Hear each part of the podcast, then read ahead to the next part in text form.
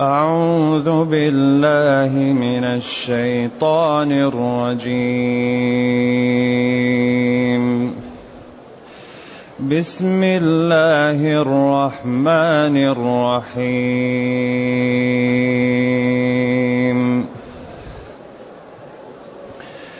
والذاريات ذروا فالحاملات وقرا.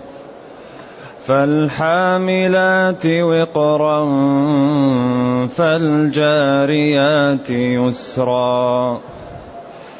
فالمقسمات أمرا إنما توعدون لصادق.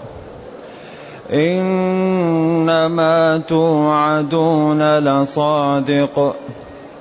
وان الدين لواقع والسماء ذات الحبك انكم لفي قول مختلف يؤفك عنه من افك قتل الخراصون الذين هم في غمرة ساهون.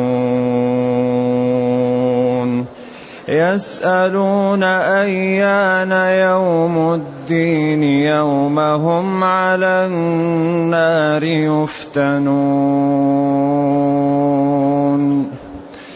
ذوقوا فتنتكم.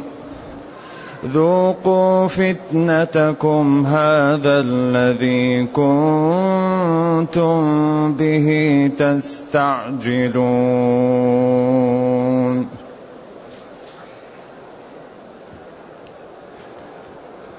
الحمد لله الذي أنزل إلينا أشمل كتاب وأرسل إلينا أفضل الرسل وجعلنا خير أمة أخرجت للناس فله الحمد وله الشكر على هذه النعم العظيمة والآلاء الجسيمة والصلاة والسلام على خير خلق الله وعلى آله وأصحابه ومن اهتدى بهداه. أما بعد فإن هذه السورة تسمى سورة الذاريات أو الذاريات ورد في البخاري والذاريات ورد الذاريات بدون الواو. وهي من السور المكية باتفاق.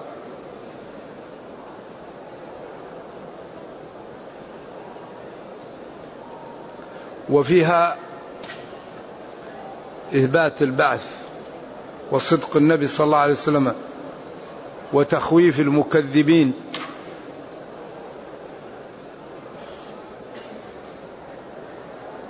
والتأكيد على أن ما يوعده الناس ورزقهم أنه عند الله وأكد ذلك بمؤكدات عديدة. ثم ذكر بعض ما حصل مع بعض الأنبياء مع الملائكة ومع قصص ليدل بذلك على صدق النبي صلى الله عليه وسلم وعلى تثبيته وعلى أن الذين يكذبون الرسل مآلهم إلى الخسران والضياع. وأن الذين يصدقون الرسل مآلهم إلى الفوز والنجاح. ليعتبر كل واحد ويبادر بالنجاة. لذلك هذا الكتاب جاء لإنقاذ البشرية. كتاب لينتشل العالم. ومن العجيب أنك تجد بعض المسلمين لا لا يحفظ القرآن لا يحفظ سورة البقرة. السنة والسنتان تمضيان وهو لم يختم القرآن. هذا كتاب آية آية في الجمال آية في الحسن آية في المتع آية في النفع. من أراد الأحكام يجدها من أراد الأسلوب يجده. من أراد الصدق يجده من أراد الإعجاز يجده من أراد المتع يجدها فيه. نحن نقص عليك أحسن القصص بما أوحينا إليك هذا القرآن. قالوا أحسن القصص قصة يوسف على الإطلاق لما فيها من العبر والجمال وذكر الأمور. يعني يقول جل وعلا والذاريات ذروا البسملة تقدمت. وأنها أبتدئ قراءتي بتسمية المعبود بحق الذي شملت رحمته جميع الخلق وخص المؤمنين برحمة خاصة. هذه بسم الله الرحمن الرحيم. والذاريات. ذروا الواو عاطفة أو قسم. ذروا مصدر تذرو ذروا. والذاريات على القول المعتمد الرياح. ولذلك قال العلماء كل جملة بعد جملة هي آخذة بحجز وجانب منها. كما ذكرنا أن هذا القرآن يأتي بالأسلوب ويفتح نافذة ويأتي بأسلوب ويفتح نافذة. ويأتي بأسلوب ويفتح نافذة. حتى السامع يقول كفاني كفاني. خلاص. يعني الأساليب التي يأتي بها غاية في, في الإقناع وفي البيان. والذاريات. الرياح. ذروا تذرو ذرت الرياح تذرو ذروا. بعدين لما ذرت الرياح جاء المطر وأنه لا بد له من الرياح لأن هي تحمله الرياح هي تحمل الأمور ولذلك فيها من المنافع والقوة. لا يوجد شيء أقوى من الرياح من الهواء. والذاريات يرون فالحاملات وقرا السحاب. تحمل وقر فيها من جبال فيها من برد. ثقال. فالحاملات وهي السحاب وقرا ثقلا فالمو فالجاريات. أيضا لما جاءت السحاب وجاء الماء جاء الكلام عن السفن. فالجاريات يسرا. تيسر للناس. والله ييسر لها المشي وتأتي للناس. بما ييسرها وبما يهيئ لها حياتها. بعدين جاءت الملائكة فالمقسمات أمرا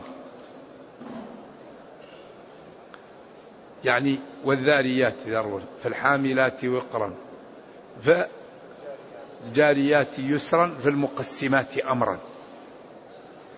كلها مقسوم بها وراء بعض قالوا لأن عظم هذه من عظم خالقها. لأن كل المخلوقات التي تذكر في القرآن هي دلالة على الخالق. أيوة قال العلماء المخلوقات التي تذكر في القرآن هي تنبيه لقدرة خالقها. وبيان على أنه هو اللي يستحق العبادة وأن يطاع فلا يعصى وأن يشكر فلا يكفر وأن يذكر فلا ينسى. سواء كان من البحار أو الجبال أو الأشجار أو الأنهار أو الغابات أو الإنسان أو اختلاف الألوان أو الألسن أو الجبال كل هذا المقصود به الخالق. ذكر ذلك العلماء وممن صرح به ابن جزي صاحب التسهيل وصاحب التقريب وصاحب القوانين الفقهية. وكتبه مباركة ومطبوعة في المكتبات فهو يقول كل المخلوقات الموجودة في القرآن هي دلالة على قدرة الخالق والتنبيه على أنه هو الذي ينبغي أن يطاع ولا يكفر. فالمقسم فالملائكة تقسم الأرزاق وتقسم الأمور بإرادة ربها وبأمره لها. إنما توعدون لصادق. أي هنا كما قال نهاره صائم ليله قائم. أي إنما توعدون لصادق. إن الذي وعدكم لصادق في وعده. إن الذي أخبركم بما يكون فهو واقع لا محالة. موعود الم... الذي وعدتموه سيقع كما أخبر لا زيادة ولا نقص. وإن الدين لحق وحاصل والجزاء به لا محالة لأن كل إنسان سيدان بما يدين به. من أخلص سينال الإخلاص ومن غش سينال الغش ومن نافق سينال النفاق ومن كفر سينال الكفر. ومن ضحى لدينه ولأمته وأتعب نفسه في ذلك سينال ذلك في صحيفته. كل واحد سينال عمله. الكتاب لا يغادر صغيرة ولا كبيرة إلا أحصاها. ووجدوا ما عملوا حاضرا. ولا يظلم ربك أحدا. قال خيركم من طال عمره وحسن عمله وشركم من طال عمره وساء عمله. لأنه إذا طال عمره وساء عمله تكثر السيئات. سيئة ورا سيئة ورا سيئة تكون جبال. فيوبق ويلغلظ عليه العذاب لكثرة الذنوب. ومن حسن عمله وطال عمره حسن ورا حسن ورا حسن ورا حسن تكون جبال فيكون في المنازل العالية لما إيش؟ لما جمع من الرصيد. إذا لا عذر لنا بعد هذا البيان الشافي وبعد هذا الإيضاح وبعد هذا التكرار وبعد هذا الأسلوب المتنوع على كل جهة وإن الدين لواقع. الدين صحيح والجزاء صحيح وما عمل الإنسان سيقعه وما أخبر به الرب جل وعلا من إكرام المتقين وما أخبر به من عقوبة المجرمين. هذا واقع. والسماء ذات الحبك. السماء هذا اللي فوق فوقنا.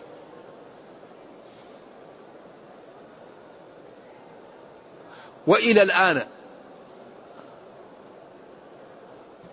لا تعرف السماء ما هي.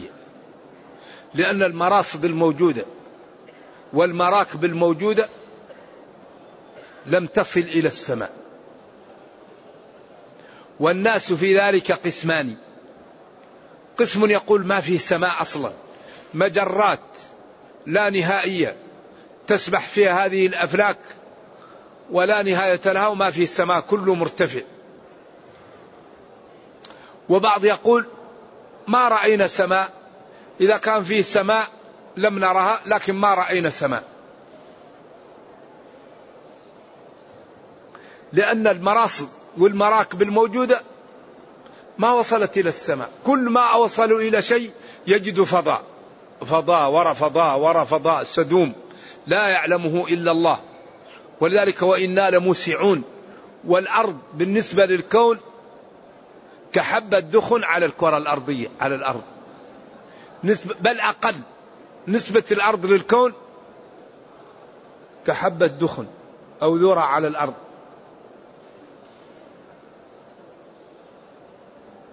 ونحن عندنا نصوص صحيحة صريحة تخبر أن السماء مبنية وأنها سقف وأنها لها حفظة ولها أبواب. والله امتدحنا بأننا نؤمن بالغيب. الفرق بيننا وبين الآن الحضارة الموجودة أن الحضارة الموجودة مبنية على الماديات. ولذلك لما ذكرهم الله في أول الروم قال ألف لام ميم غلبت الروم إلى أن قال ولكن أكثر الناس لا يعلمون يعلمون ظاهرا من الحياة انتبهوا يعلمون ظاهرا. التسجيل الفاكس التلفزة الطيران.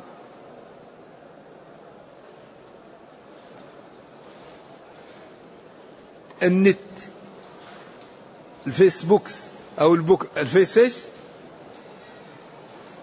الفيسبوك. كل هذه الأمور تتبع لأشياء موجودة. تتبع لها واكتشافها. لكن تعال السماوات هم لا يؤمنوا بالسماء لأن المراصد ما وصلت إليها والمراكب المراصد ما اكتشفتها والمراكب ما وصلت إليها. قالوا ما في سماء. والله يقول وبنينا فوقكم سبعا إيش؟ شدادا سبعا شدادا. وبنى سبعا شدادا. ونبينا صلى الله عليه وسلم ليلة الإسراء مر بسماء الدنيا والثانية والثالثة والرابعة حتى السابعة حتى سمع صريف الأقلام. وقالوا كلهم هذا المحل لا نصل إليه. كان معه جبريل فكان إذا جاء لباب السماء دق الباب. يقول من؟ جبريل ومن معه؟ محمد صلى الله عليه وسلم. أو أرسل إليه نعم يفتح الباب. والحديث صحيح. الجان. الآن العلم الحديث لا يؤمن بالجان. يقول لك ما في جان. بس إنما هو اختلال في النفس أو اختلال في بعض الأمور التي هي محل العقل. تختل ويقع في الإنسان شيء ما في جان. والله قال قل أوحي إلي أنه استمع نفر من الجن. وقال إنه يراكم. هو وقبيله من حيث لا ترونهم. وإذ صرفنا إليك نفرا من الجن يستمعون القرآن. إن بالمدينة جنا أسلمت. فإذا رأيتم هذه الحيات في البيوت فانظروها ثلاثا. إلا ذو الطفية وكذا فهذا سام. أيوة يقتل على طول. فالغيب الملائكة نعيم الجنة عذاب القبر نعيم القبر. نرجو الله السلام والعافية من عذاب القبر. لذلك هذا الآن الأمور لا يؤمن بها. ولذلك قال الله تعالى عنهم بعد أن ذكر الروم لأنهم هم أصحاب الاكتشافات. ألف لام غلبت الروم. قال يعلمون ظاهرا من الحياة الدنيا. ومن الغريب أن بعض المعربين أعرب يعلمون بدل من لا يعلمون. ولكن أكثر الناس لا يعلمون يعلمون ظاهرا من الحياة الدنيا. قال لأنه علم متعلق بظاهر الحياة الدنيا وأصحابه غافلون عن الآخرة فجعله بدل من منفي. وهذا إعراب دقيق وممن أعرب هذا الإعراب الزمخشري في كشافي. ولكن أكثر الناس لا يعلمون يعلمون ظاهرا من الحياة الدنيا. جعل يعلمون بدل من لا يعلمون قال لأنه علم متعلق بظاهر الحياة الدنيا وأصحابه غافلون عن الآخرة فجعله بدل من منفي لتفاهته بالنسبة لعلم الدين ولعلم بما أعد الله تعالى لخلقه وبما أوجب عليهم وبما يستحقه من يعني الجلال والكمال وبما اتصف به وبما يجب على العبد نحو ربه. فهذا العلم لا يعتبر علم بالنسبة لهذا العلم. إذا لا ننبهر ونرى أن هؤلاء كل شيء يعرفوه وأنهم أسبق منا لا. هم يتتبعون ظاهر الحياة الدنيا. تتبعوا ذرة اليورانيوم فوجدوا لها خاصية. تتبعوا بعض الأحماض وبعض الحديد فوجدوا فيه خاصية المغناطيس. الكهرباء اكتشفوها من غير ما ينتبهوا. الفاكس التلفزة كل هذه تتبع لظاهر الحياة الدنيا. الطيران وإن كان المسلمون أسبق في الطيران منهم. لكن المسلمين ناموا وهم إيش؟ اشتغلوا بنوا على ما وصلنا إليه. وأصبحنا نحن نقول نحن كنا كنا, كنا طيب ونحن الآن؟ لماذا لا نبدأ الآن إيش؟ نسابق ونعمل. ولذلك ديننا يأمرنا بهذا. تعاونوا اعملوا. المؤمن القوي خير وأحب إلى الله من المؤمن. الضعيف وفي كل خير. حرص على ما ينفعك. حرص على ما ينفعك.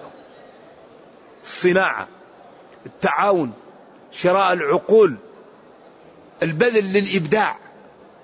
أحوج ما تحتاج له الأمة المسلمة. البذل في الإبداع. الإبداع ما هو؟ ما الإبداع؟ الإبداع أن تقف على ما وصل إليه الناس. وتنظر ما الجوانب التي نقصت في هذا الأمر فتكملها فتكون أنت مبدع. يعني ما الذي وصلت إليه الناس في هذا الأمر؟ سواء كان صناعة أو آلة أو دواء أو مادة علمية.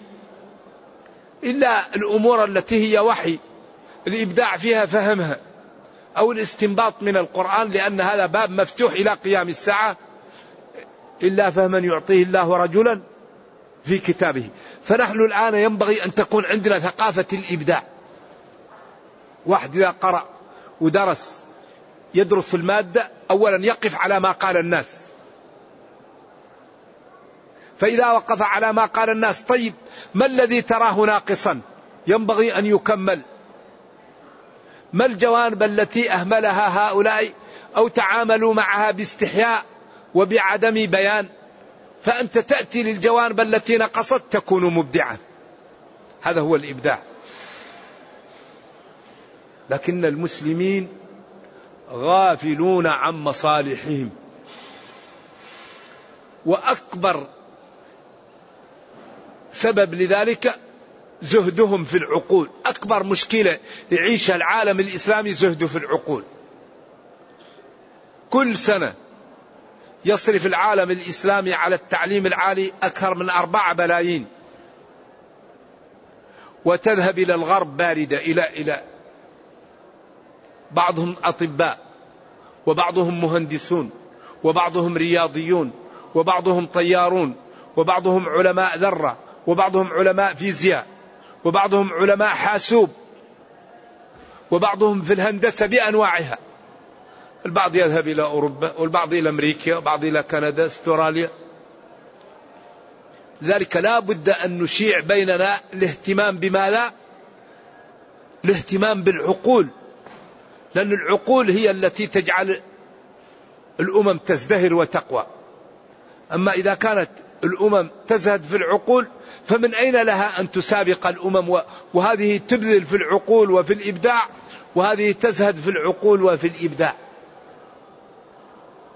إذا يقول جل وعلا والسماء ذات الحبك. حبك الشيء يحبكه إذا أقوى نسجه وفيها أكثر من سبعة أقوال. وأقوى شيء أن الحبك ذات النسج والعمل القوي كما قال تعالى تبارك الذي بيده الملك وهو على كل شيء قدير الذي خلق الموت والحياة ليبلوكم أيكم أحسن عملا وهو العزيز الغفور الذي خلق سبع سماوات طباقا ما ترى في خلق الرحمن من تفاوت. محكم متقن. ذات أحبك النسج أو أحبك الأمر إذا أعمله عملا متقن لا لا نقص فيه ولا إيجاد لخلل فيه. هذا أقوى شيء في ذات الحبوك إنكم لفي قول مختلف. بعضهم يقول ساحر بعضهم يقول كاهن بعضهم يقول شاعر بعضهم يقول أضغاث أحلام بعضهم يقول افتراه بعضهم يقول بل هو كاذب. ولذلك جاءتهم البربلة يؤفك عن الإيمان به وعن قبوله من أفك من أصرف. قتل لعين وأبعد. الخراصون الكذابون الذين يتكلمون بغير علم بظن وحدس. ولا يقدرون الأمور فيتكلمون بشهواتهم وبظن لا علم لهم به. لعن هؤلاء وطردوا. من رحمة الله والخراصون الكذابون ولذلك الخرص هو الحدس. إلا أن شريعتنا شريعة سمحة فأباحت الخرص في النخل وفي العنب وفي الأمور التي يحتاج صاحبها أن يأكل منها قبل أن يعني تخرج منها الزكاة فسمي خرص لأن فيه نوع مما لا من عدم التأكد لكن الشريعة فيها فسحة. فإذا كان الإنسان له بستان من النخيل أو من العنب وأراد أن يأكل من منه قبل أن يزبب أو قبل أن يكون تمرا فيأتي بمن له خبرة ويخرص كم يطلع من هذا. فيأتي بالتقريب وهو الآن رطب فإذا جف ينقص. وبعدين يدفع منه الزكاة تقريبا على هذا الأمر بعدين يأكل منه ويبيع.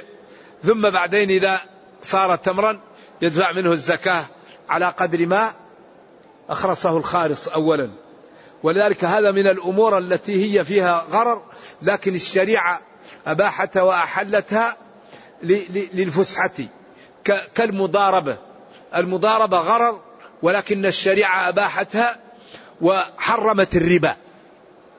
الربا فيه غرر وفيه و و وبيع النجش وبيع الملابسة والمنابذة وبيع الحصى. لكن المضاربة أباحتها الشريعة لأن الخطر على الجهتين ما هو على جهة واحدة. فلذلك أباحتها الشريعة. أما المرابي فالخطر على جهة واحدة فلم تبحها الشريعة. المضاربة هي أن تأخذ مالا وتعطيه لرجل وتقول له تاجر بهذا المال فإن ربح فلك ثلثه أو نصفه أو ربعه وإن خسر فلا شيء عليك. هذه هي المضاربة. ولذلك إذا ضمن المضارب رأس المال فسدت لا يجوز. ولذلك أغلب الآن المضاربات ضمن المضارب رأس المال فيفسد الصفقة فتكون نجسة وضائعة. هي لا تقوم إلا على الثقة هذه. وهذا النوع مبارك ومفيد وخيره كثير لكن بشرط أن يكون التعامل على صدق وثقة. هذا الإسلام دين عجيب. كل شيء محلول فيه ومبين. إذا يصرف من صرف عن إيش؟ عن قبول الحق وعن سماع الحق وعن الإذعان للحق. قتل لعن وبعد الكذابون الخراصون الذين يتكلمون من غير علم ومن غير روية ومن غير فهم ما يتكلمون فيه. يخوضون مع الخائضين ويكذبون بيوم الدين ولا يصلون ولا يطعمون المسكين ويتمتعون ويأكلون كما تأكل الأنعام عياذا بالله. لكن النار مثوى لهم. إذا العاقل ما يغتر بزهرة الدنيا وما فيها. العقل لازم يحاسب حتى ينجو. الذين هم في غمرة. الغمرة هو اللهو واللعب والغفلة وما في قلوبهم من محبة الشهوات ومن أيوة. كأن اللعب واللهو أصبح كالبحر يغمرهم.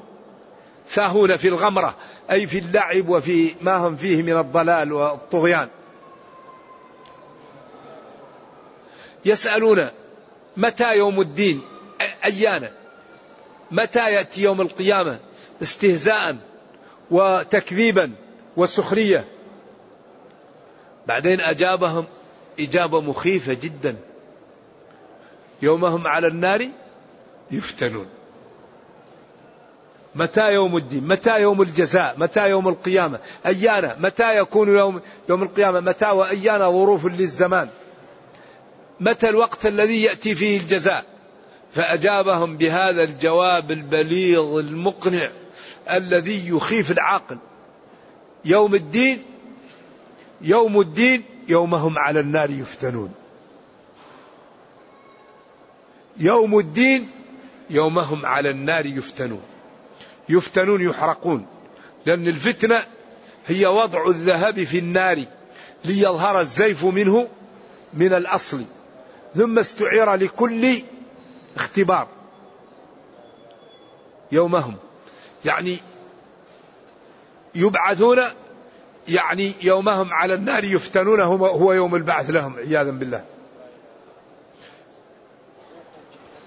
ويقال لهم تجرعوا. ذوقوا عبر عما يصل إلى أجسامهم بالذوق لأن اللسان يتقن الفرق بين الطعوم. ولذلك نحن الآن أي طعم تعرفه لأن كل يوم تتطعم لكن أذهاننا لا نستعملها. استنباطنا للأصول ضعيف يعني فهمنا للنحو غير قوي فهمنا للبلاغة غير قوي فهمنا لقواعد الأصول فهمنا للاستنباط. أما بالذوق ما شاء الله كل شيء نعرفه لأن كل يوم نتطعم في الأمور فأصبح الذوق عندنا قوي. لأن كل واحد كل يوم يتطعم. هذا فيه ليمون هذا فيه إيش؟ ملح فيه كذا. ذوقوا تذوق. لكن كم يوم نستنبط؟ ناخذ آية ونقول نستنبط منها ما فيها من الأحكام ما فيها من الأوامر ما فيها من المفهومات الموافقة ما فيها من مفهومات المخالفة.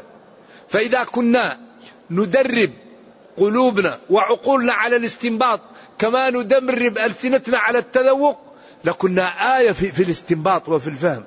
ولذلك هذا كله بالتدريب. والله أخرجكم من بطون أمهاتكم لا تعلمون شيئا. وجعل لكم السمع والأبصار والأفئدة لعلكم تشكرون. أعطانا موارد العلم لنشكر الله ولنعمل بالعلم وبطاعة الله. ذوقوا فتنتكم. أي تجرعوا كفركم وضلالكم وسخريتكم وعدم مبالاتكم بأوامر الله وانتهاككم لنواهي الله في الدنيا. ذوقوا فتنتكم. ذوقوا ما كنتم. كفركم وضلالكم وتكذيبكم واستهزاءكم ذوقوه الآن. هذا الذي كنتم كنتم به تستعجلون تطلبون أن يأتيكم بعجلة. نرجو الله جل وعلا أن يعيذنا وإياكم من النار وأن يرزقنا الجنة. اللهم أرنا الحق حقا وارزقنا اتباعه وأرنا الباطل باطلا وارزقنا اجتنابه. وأن لا تجعل الأمر ملتبسا علينا فنضل. اللهم ربنا أتنا في الدنيا حسنة وفي الآخرة حسنة وقنا عذاب النار. اللهم اختم بالسعادة آجالنا واقرم بالعافية غدونا وآصالنا واجعل إلى جنتك مصيرنا ومآلنا. سبحان ربك رب العزة عما يصفون. سلام على المرسلين. والحمد لله رب العالمين. وصلى الله وسلم وبارك على نبينا محمد وعلى آله وصحبه. والسلام عليكم ورحمة الله وبركاته. يقول إذا حضر مأموم مسبوق وهو في الركعة راكع. يعني إمام مأموم. هل يركع معهم ثم يتقدم الإمام أم يدفع الإمام وهو راكع؟ لا لا يدفعه وهو راكع. لكن يركع معهم أو يتوقف فإذا قام الإمام يشير إليه حتى يتقدم ويبقى مع الذي جنب الإمام. يقول إن عنده بنات وزوجة وأنهم يصلون في البيت لكن بعد الوقت وأنه يخاصمهم و... طيب جزاك الله خير.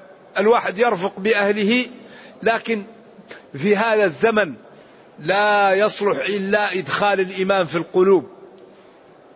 الذي يريد أن ينفع أولاده وزوجه وإخوانه يدخلهم يعني يعلمهم الطريقة التي يكون الإيمان في قلوبهم لأنه الواحد إذا صلى وهو ما هو مقتنع إيش الفائدة؟ ولكن أول شيء تقنع الإنسان بجدوى الصلاة. الولد الزوجة. لماذا نأمركم بالصلاة؟ ما الفائدة من الصلاة؟ لماذا أنتم؟ لأن الذي يتأخر عن الصلاة ولا يحبها غير خاشع. لأن الله قال وإنها لكبيرة إلا على الخاشعين. وقال وأمر أهلك بالصلاة واصطبر عليها ثم قال لا نسألك رزقا نحن نرزقك. قال العلماء من أكبر أسباب الغناء الصلاة والمداومة عليها. لذلك لا يوجد شيء أقوى للإيمان من الصلاة وللبدن. الصلاة تقوي الإيمان وتقوي البدن وتقوي العضلات وتقوي الظهر وكل خلية في الجسم تستفيد من الصلاة. لذلك هم الآن يقولوا الرياضة الرياضة المسلمون عندهم رياضة كم خمس مرات في اليوم وقبلها تسخين وهو الوضوء. هذا عجيب. آية آية. بعدين أركع حتى تطمئن راكعا. لا تصوب رأسك ولا تشخصه. ولكن بين ذلك واسجد على سبع أعضاء وفرج ومكن يدك من الركبة حتى كل العضلات في الجسم تستفيد. وتخليك ساجد حتى تأتي الدورة الدموية للوجه. آية إعجاز وجمال وحسن عجيب. وبعدين لا تفقع عين ولا تكسر ظهر وتقوي بدنك وتخلي رصيدك من الحسنات كبير. أقوى رياض الصلاة وأجمل رياض الصلاة وأحسن رياض الصلاة. لذلك قال الله لرسوله صلى الله عليه وسلم فإذا فرغت إذا فرغت من شغل الدنيا ومن الأعمال فانصب. يعني قم وصل لربك. هذا دين عجيب الإسلام إذا كان ناس في عزاء وهم كثير وصلوا في مكان العزاء وهم المسجد قريب منهم هل صلاتهم صحيحة؟ صلاتهم صحيحة. لكن الأولى من سمع النداء أن يذهب إليه. نعم. هل إنكار الجن والسحر والعدم والعين كفر؟ نعم. لأن الله قال قل أوحي إلي أنه استمع نفر من الجن. لو كان العين تدخل الرجل القبر والجمل القدر. لو كان الشيء سابق القدر لسبقته العين. ولذلك المسلم ينبغي أن يبرك على نفسه وعلى ولده وعلى أمور الناس. فإذا رأى شيء يعجبه يقول ما شاء الله بارك الله لا حول ولا قوة إلا بالله. يذكر الله ويسمي ولا يتبع. ولذلك هي العين خطيرة جدا. ولكن لن يصيبنا إلا ما كتب الله لنا. ولكن المسلم يخاف ولا إذا أعجبه شيء من نفسه أو من المسلمين يبرك عليهم. نعم.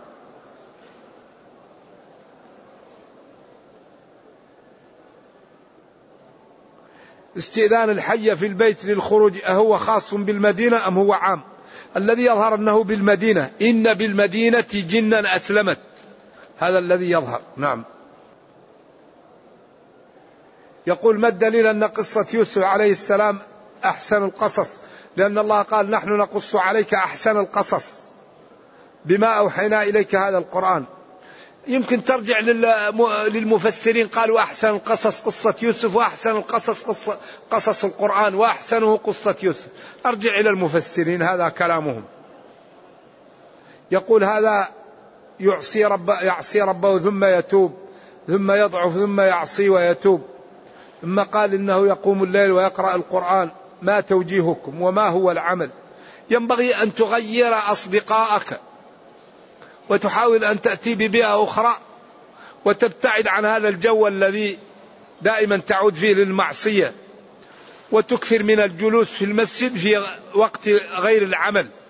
لأن الجلوس في المسجد هذا فيه خير كثير انتظار الصلاة إلى الصلاة فذلكم الرباط أفضل البقاع المساجد.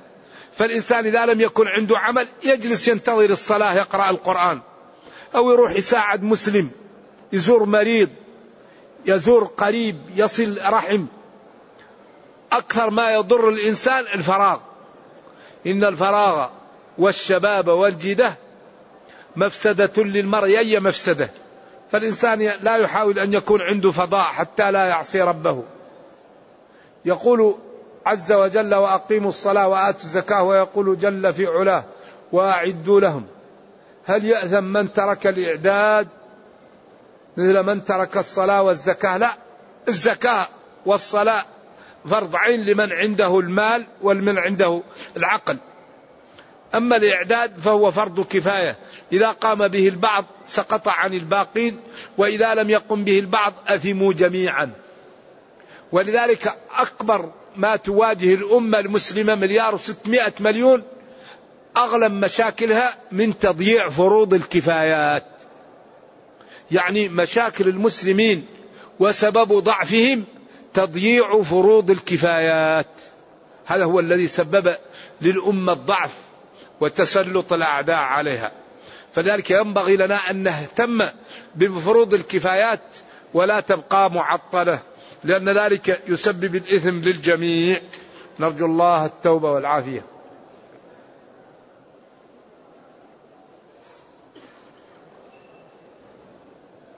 امرأة تريد الزواج وعندها أولاد كبار وليس لها أي قرابة من يكون وليها الإمام أو نائبه الإمام أو نائبه ولي من لا ولي له. فإذا كان في بلد لا يوجد فيه إمام الأقليات جماعة المسلمين توليها. نعم. ولد كبير وليها يزوجها. نعم ولدها إذا كان بالغ يزوجها.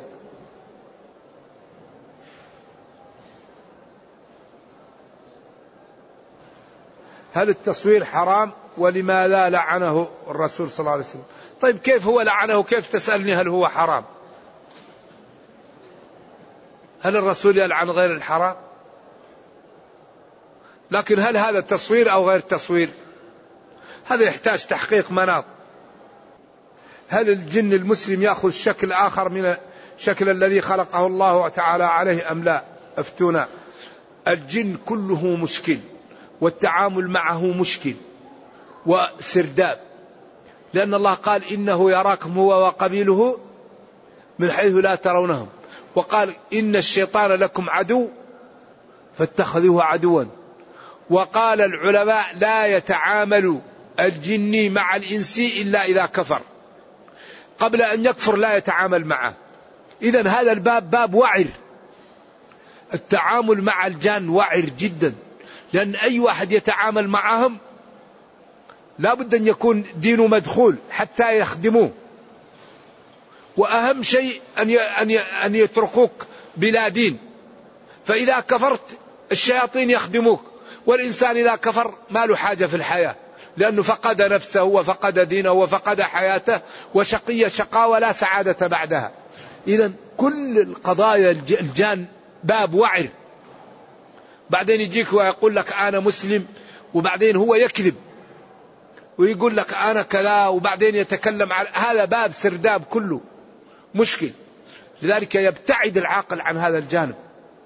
وإذا أراد أن يرقي, يرقي بالرقية الشرعية أما الذي يأخذ ذيب أو يأخذ دم أو يأخذ أمور ما وردت لا لا نرقي إلا بالشرع. القرآن البقرة آية الكرسي بالمعوذتين بالأدعية الواردة عن النبي صلى الله عليه وسلم. أما الإنسان يأتي بذيب ويقول الذيب يأكل ال... إيش الذيب؟ ويأتي ب يعني خروف أسود أو يأتي بزعفران أو يأتي بملح. هذه أمور إذا أردنا أن نستعمل الرقية نستعمل الرقية الشرعية. الرقية الشرعية محل إجماع. لكن الشرعية والتعامل مع الجان غاية في الخطورة. فالذي يريد أن يكون راقي ينتبه بعدين يستدرجوك حتى يأخذوك. أول مرة ثاني مرة رابع مرة بعدين خلاص. ولذلك ولا تصح صحبة الجنون إلا لمن يترك بعض الدين. ما يمكن يتعاملوا إلا مع من يترك لهم جزء من دينه. إما صلاة إما زواج إما وضوء.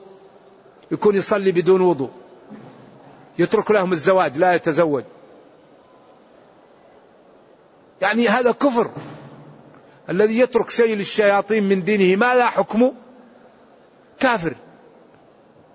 لذلك إن الشيطان لكم عدو إيش؟ فاتخذوه عدوا. إنما يدعو حزبه ليكونوا من أصحاب السعير. وقد بين الله خطبته المشهورة التي قال العلماء إنه يخطبها في قعر جهنم. وقال الشيطان لما قضي الأمر إن الله وعدكم وعد الحق ووعدتكم فأخلفتكم. وما كان لي عليكم من سلطان إلا أن دعوتكم. تعال. فاستجبتم لي فلا تلوموني ولوموا أنفسكم إلى آخر الآيات.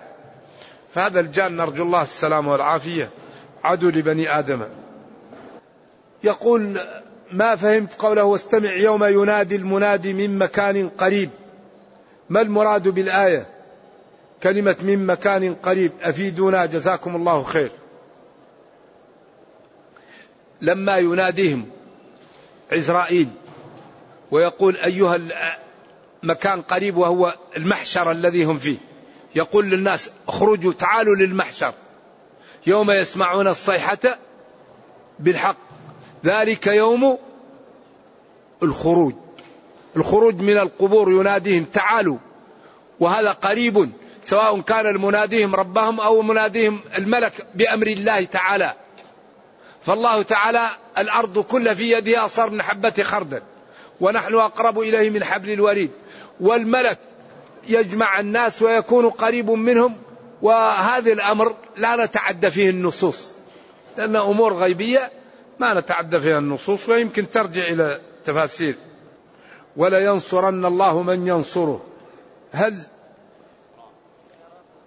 ولا ينصرن الله من ينصره؟ ولا ينصرن. هذا فعل مضارع مبني.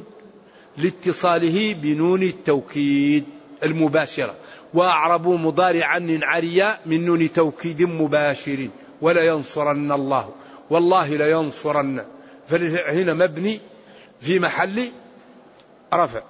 من ينصره مضارع يعني مرفوع بالضمة الظاهرة على آخره. وهذا النحو ضروري لطلاب العلم.